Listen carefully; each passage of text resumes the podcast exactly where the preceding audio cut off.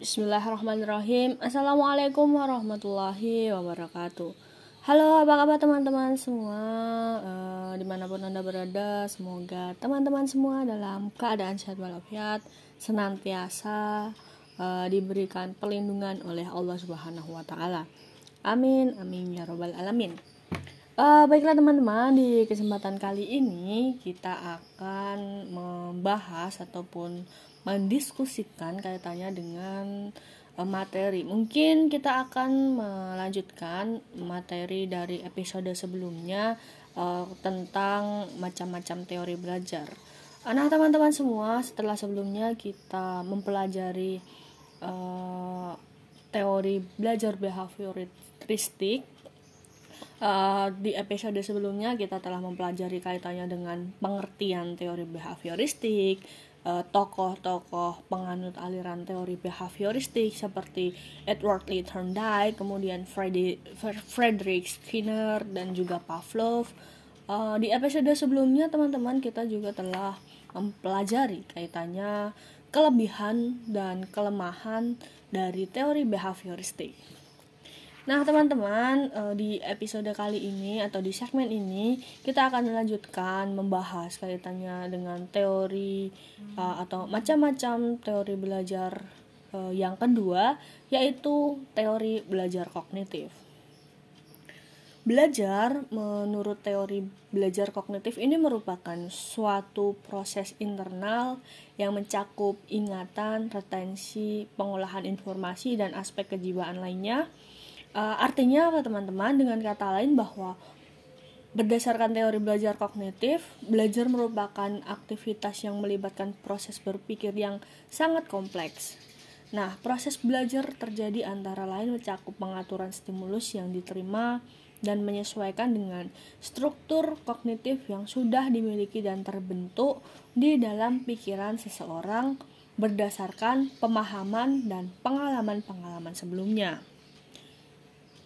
Nah, uh, yang selanjutnya teman-teman, apa yang membedakan antara teori behavioristik dengan teori belajar kognitif ini bahwa perbedaan dari teori belajar kognitif ini lebih mementingkan proses belajar daripada hasil belajarnya teman-teman. Nah, para penganut teori ini mengatakan bahwa belajar tidak sekedar melibatkan hubungan antara stimulus dan respons, uh, tetapi juga belajar merupakan suatu perubahan persepsi ataupun uh, cara pandang ya uh, dan pemahaman yang tidak selalu dapat terlihat sebagai tingkah laku yang tampak. Dengan demikian juga teori belajar kognitif ini juga sering disebut dengan model perseptual Nah, model belajar kognitif mengatakan bahwa tingkah laku seseorang itu ditentukan oleh persepsi serta pemahamannya tentang situasi yang berhubungan dengan tujuan belajarnya. Oke, mungkin itu uh, dulu pengena uh, pengenalan kaitannya dengan teori belajar kognitif ya teman-teman. Selanjutnya kita akan uh, mengetahui ataupun mempelajari siapa saja tokoh uh, atau beberapa ya tokoh yang menganut teori belajar kognitif. Nah, yang pertama itu yang terkenal yang sering kita jumpai, yang pertama ada teori perkembangan kognitif atau cognitive development theory uh, yang dengan tokoh yang terkenal bernama Jean Piaget Jen atau sering disebut juga Piaget. Menurut Piaget ini, perkembangan kognitif merupakan suatu proses genetik yaitu suatu proses yang didasarkan atas mekanisme biologis perkembangan sistem syaraf. Nah, dengan demikian, e, semakin bertambah usia seseorang, makin komplekslah susunan syarafnya dan makin meningkat pula kemampuannya.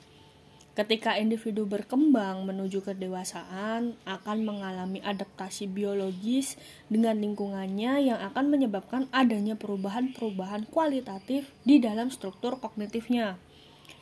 Proses adaptasi ini mempunyai dua bentuk dan terjadi secara simultan ya, artinya saling terus uh, secara terus menerus ya dalam tanda kutip yaitu ada dua ada asimilasi dan juga akomodasi asimilasi yaitu apabila individu menerima informasi atau pengalaman baru maka informasi tersebut akan dimodifikasi sehingga cocok dengan struktur kognitif yang dipunyainya. Sedangkan proses adaptasi yaitu suatu proses apabila struktur kognitif yang sudah dimiliki yang harus disesuaikan dengan informasi yang diterima oleh individu tersebut. Menurut Piase, proses belajar akan terjadi jika mengikuti tahap-tahap asimilasi, akomodasi, dan ekualibrasi atau penyeimbangan. Proses asimilasi merupakan proses pengintegrasian informasi baru ke dalam struktur kognitif yang telah dimiliki individu. Nah, proses akomodasi merupakan proses penyesuaian struktur kognitif ke dalam situasi yang baru. Sedangkan proses ekualibrasi adalah penyesuaian berkesinambungan antara akomodasi dan juga asimilasi. Nah, teman-teman semua, ada empat faktor yang mempengaruhi perkembangan kognitif, yaitu lingkungan fisik, kematangan, pengaruh sosial, dan juga pengendalian diri. Nah, bagaimana teman-teman? Apakah uh, teman-teman telah memahami uh, sedikit kaitannya dengan teori belajar kognitif ini? Nah, kita akan melanjutkan Eh, di teori yang kedua yaitu teori conditioning of learning dari Robert Gagne. Menurut Gagne, uh, teori yang dikemukakan oleh Gagne ini didasarkan atas hasil risetnya tentang faktor-faktor yang kompleks pada proses belajar manusia. Penelitiannya ini dimaksudkan untuk menemukan teori pembelajaran yang efektif Analisisnya dimulai dari identifikasi konsep hierarki belajar, yaitu urut-urutan e, kemampuan yang harus dikuasai oleh pembelajar atau yang dalam e, kegiatan belajar ini peserta didik ya, agar dapat mempelajari hal-hal yang lebih sulit atau lebih kompleks. Menurut Gangna ini, belajar memberi kontribusi terhadap adaptasi yang diperlukan untuk mengembangkan proses yang logis sehingga perkembangan tingkah laku atau behavior adalah hasil dari efek belajar yang kumulatif. Lebih lanjut, Gangna menjelaskan bahwa belajar itu bukan proses tunggal. Belajar menurut Gangna tidak dapat didefinisikan dengan mudah karena belajar itu bersifat kompleks. Eh, nah, Gangna mendefinisikan belajar ya uh, adalah suatu mekanisme di mana seseorang menjadi anggota masyarakat yang berfungsi secara kompleks. Kompetensi itu meliputi skills atau kemampuan, pengetahuan, attitude atau perilaku, dan nilai-nilai yang diperlukan oleh manusia. Sehingga belajar adalah hasil dalam berbagai macam tingkah laku yang selanjutnya disebut kapasitas atau outcome. Kemampuan-kemampuan tersebut diperoleh peserta didik dari stimulus dan lingkungan dan proses kognitif. Nah, menurut Gang Gane ini mengategorikan ya e, belajar e, sebagai salah satunya adalah informasi verbal. E, belajar informasi verbal merupakan kemampuan yang dinyatakan seperti membuat label, menyusun fakta-fakta dan menjelaskan kemampuan untuk kemampuan atau unjuk kerja dari hasil belajar seperti membuat pernyataan, penyusunan frase, atau melaporkan informasi. Yang kedua adalah intellectual skill atau kecakapan intelektual. Kemampuan kecakapan intelektual adalah kemampuan peserta didik yang dapat menunjukkan kompetensinya sebagai anggota masyarakat seperti menganalisis berita-berita, membuat keseimbangan keuangan, menggunakan bahasa untuk mengungkapkan konsep, menggunakan rumus-rumus matematika, dengan kata lain ingin tahu atau knowing how. Kemudian eh, kategori yang ketiga menurut Gangna adalah attitude atau perilaku Uh, attitude ini merupakan kemampuan yang mempengaruhi pilihan peserta didik untuk melakukan suatu tindakan. Belajar melalui mode ini diperoleh melalui pemodelan atau orang yang ditokohkan atau orang yang diidolakan. Dan yang terakhir adalah e, kategori kognitif strategi atau strategi kognitif. Adalah suatu kemampuan yang mengontrol ataupun mengendalikan manajemen belajar peserta didik mengingat dan berpikir. Cara yang terbaik untuk mengembangkan kemampuan tersebut adalah dengan melatih peserta didik memecahkan masalah. Penelitian dan penerapan teori-teori untuk memecahkan masalah real di lapangan melalui pendidikan formal diharapkan peserta didik menjadi self learner and independent thinker.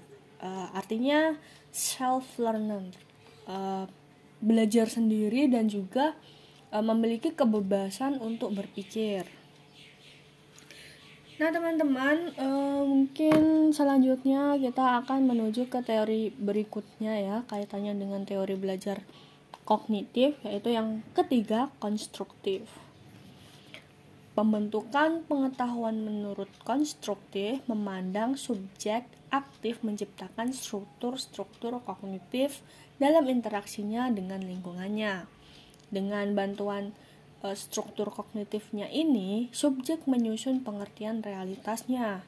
Interaksi kognitif akan terjadi terja sejauh realitas tersebut disusun melalui struktur kognitif yang diciptakan oleh subjek itu sendiri. Struktur kognitif senantiasa harus diubah dan disesuaikan berdasarkan tuntutan lingkungan dan organisme yang sedang berubah. Proses penyesuaian diri terjadi secara terus-menerus melalui proses rekonstruksi. Teori konstruktivisme ini yang terpenting adalah bahwa dalam proses pembelajaran, peserta didik yang men harus mendapatkan penekanan. Mereka lah yang harus aktif mengembangkan pengetahuan mereka, bukan pembelajar atau orang lain. Mereka yang harus bertanggung jawab terhadap hasil belajarnya. Penekanan belajar peserta didik secara aktif ini perlu dikembangkan. Kreativitas dan keaktifan peserta didik akan membantu mereka untuk berdiri sendiri dalam kehidupan kognitif mereka. Belajar lebih diarahkan pada experimental learning, yaitu suatu adaptasi kemanusiaan berdasarkan pengalaman konkret di laboratorium. Diskusi dengan teman sekelas yang kemudian dikon templasikan dan dijadikan ide dan mengembangkan konsep baru karena aksentuasi dari mendidik dan mengajar tidak terfokus pada si pendidik melainkan pada pembelajar. Nah, mungkin teman-teman kons teori konstruktivistik ini uh, relevan ya ataupun diadopsi oleh kurikulum kita yang terbaru uh, di kurikulum Merdeka Belajar. Nah, beberapa hal yang mendapat perhatian pembelajaran konstruktivistik yaitu yang pertama mengutamakan pembelajaran yang bersifat nyata dalam konteks yang relevan. Yang kedua, mengutamakan proses. Ketiga, menanamkan pembelajaran dalam konteks pengalaman sosial. Dan yang keempat adalah pembelajaran dilakukan dalam upaya mengkonstruksi pengalaman. Hakikat pembelajaran konstruktivistik oleh Brooks and mengatakan bahwa pengetahuan adalah non-objektif, bersifat temporer, selalu berubah dan tidak menentu. Belajar dilihat sebagai penyusunan pengetahuan dari pengalaman konkret, aktivitas kolaboratif dan refleksi serta interpretasi. Kemudian uh, Fosnot mengemukakan aspek-aspek modal pembelajaran konstruktivistik. Ada adaptasi, konsep pada lingkungan, the concept of environment, dan pembentukan makna, the construction of meaning. Dari ketiga aspek tersebut, Piase juga memberikan apa ya makna, yaitu adaptasi terhadap lingkungan dilakukan melalui dua proses yaitu asimilasi dan akomodasi yang seperti saya jelaskan uh, di materi sebelumnya. Mari kita lanjut teman-teman. Uh, Vygotsky, kemudian konstruktivisme uh, Vygotsky uh, memandang bahwa pengetahuan dikonstruksi secara kolaboratif antara individual dan keadaan dapat disesuaikan oleh setiap individu. Proses dalam kognisi diarahkan melalui adaptasi intelektual dalam konteks sosial budaya. Proses penyesuaian itu ekuivalen dengan pengkonstruksian pengetahuan secara intra individual, yakni melalui proses regulasi diri internal. Dalam hubungan ini, para konstruktif Vygotskian lebih menekankan pada penerapan teknik saling tukar gagasan antar individu. Nah, ada dua prinsip penting yang diturunkan dari teori Vygotsky ini uh, kaitannya dengan teori konstruktivisme ini. Yang pertama adalah mengenai fungsi dan pentingnya bahasa dalam komunikasi sosial yang dimulai proses penginderaan terhadap tanda atau sing sampai kepada tukar menukar informasi dan pengetahuan. Yang kedua adalah zona of proximal development Pembelajar sebagai mediator memiliki peran mendorong dan menjembatani peserta didik dalam upayanya membangun pengetahuan, pengertian, dan kompetensi. Sumbangan penting teori Vygotsky adalah menekanan pada hakikat pembelajaran sosiokultural Inti dari teori Vygotsky adalah menekankan interaksi antara aspek internal dan eksternal dari pembelajaran dan penekanannya pada lingkungan sosial pembelajaran. Menurut Vygotsky, fungsi kognitif manusia berasal dari interaksi sosial masing-masing individu dalam konteks budaya. Vygotsky juga yakin bahwa pembelajaran terjadi saat peserta didik bekerja menangani tugas-tugas yang belum dipelajari. Namun, tugas-tugas tersebut masih dalam jangkauan kemampuannya atau tugas-tugas itu berada dalam zona of proximal development mereka. Zona of proximal development itu sendiri adalah daerah antar tingkat perkembangan sesungguhnya yang didefinisikan sebagai kemampuan memecahkan masalah secara mandiri dan tingkat perkembangan potensial yang didefinisikan sebagai kemampuan pemecahan masalah di bawah bimbingan orang dewasa atau teman sebayang yang lebih mampu. Pengetahuan berjenjang tersebut uh, se uh, dalam pengetahuan dan pengertian itu dikonstruksi bila seseorang terlibat secara sosial dalam dialog dan aktif dalam percobaan-percobaan dan pengalaman. Nah, selanjutnya kita di di bagian akhir ya teman-teman kaitannya dengan teori belajar uh, kognitif kaitannya dengan kelebihan dan kelemahan. Adapun uh, setiap uh, teori apa teori belajar itu memiliki kelebihan dan kelemahannya sendiri ya teman-teman. Di teori belajar kognitif ini ada pun kelebihannya bahwa pembelajaran berdasarkan kemampuan struktur kognitif peserta didik sehingga kemampuan peserta didik tidak terlalu dipaksakan. Hal demikian sebagai wujud penghargaan bahwa masing-masing peserta didik mempunyai potensi yang berbeda-beda sehingga pendekatan dalam belajarnya pun harus berbeda-beda. Yang kedua, pembelajaran berpusat pada peserta didik atau student center yang mengakibatkan dinamisasi kelas yang tinggi sehingga tidak menimbulkan pembelajaran yang membosankan.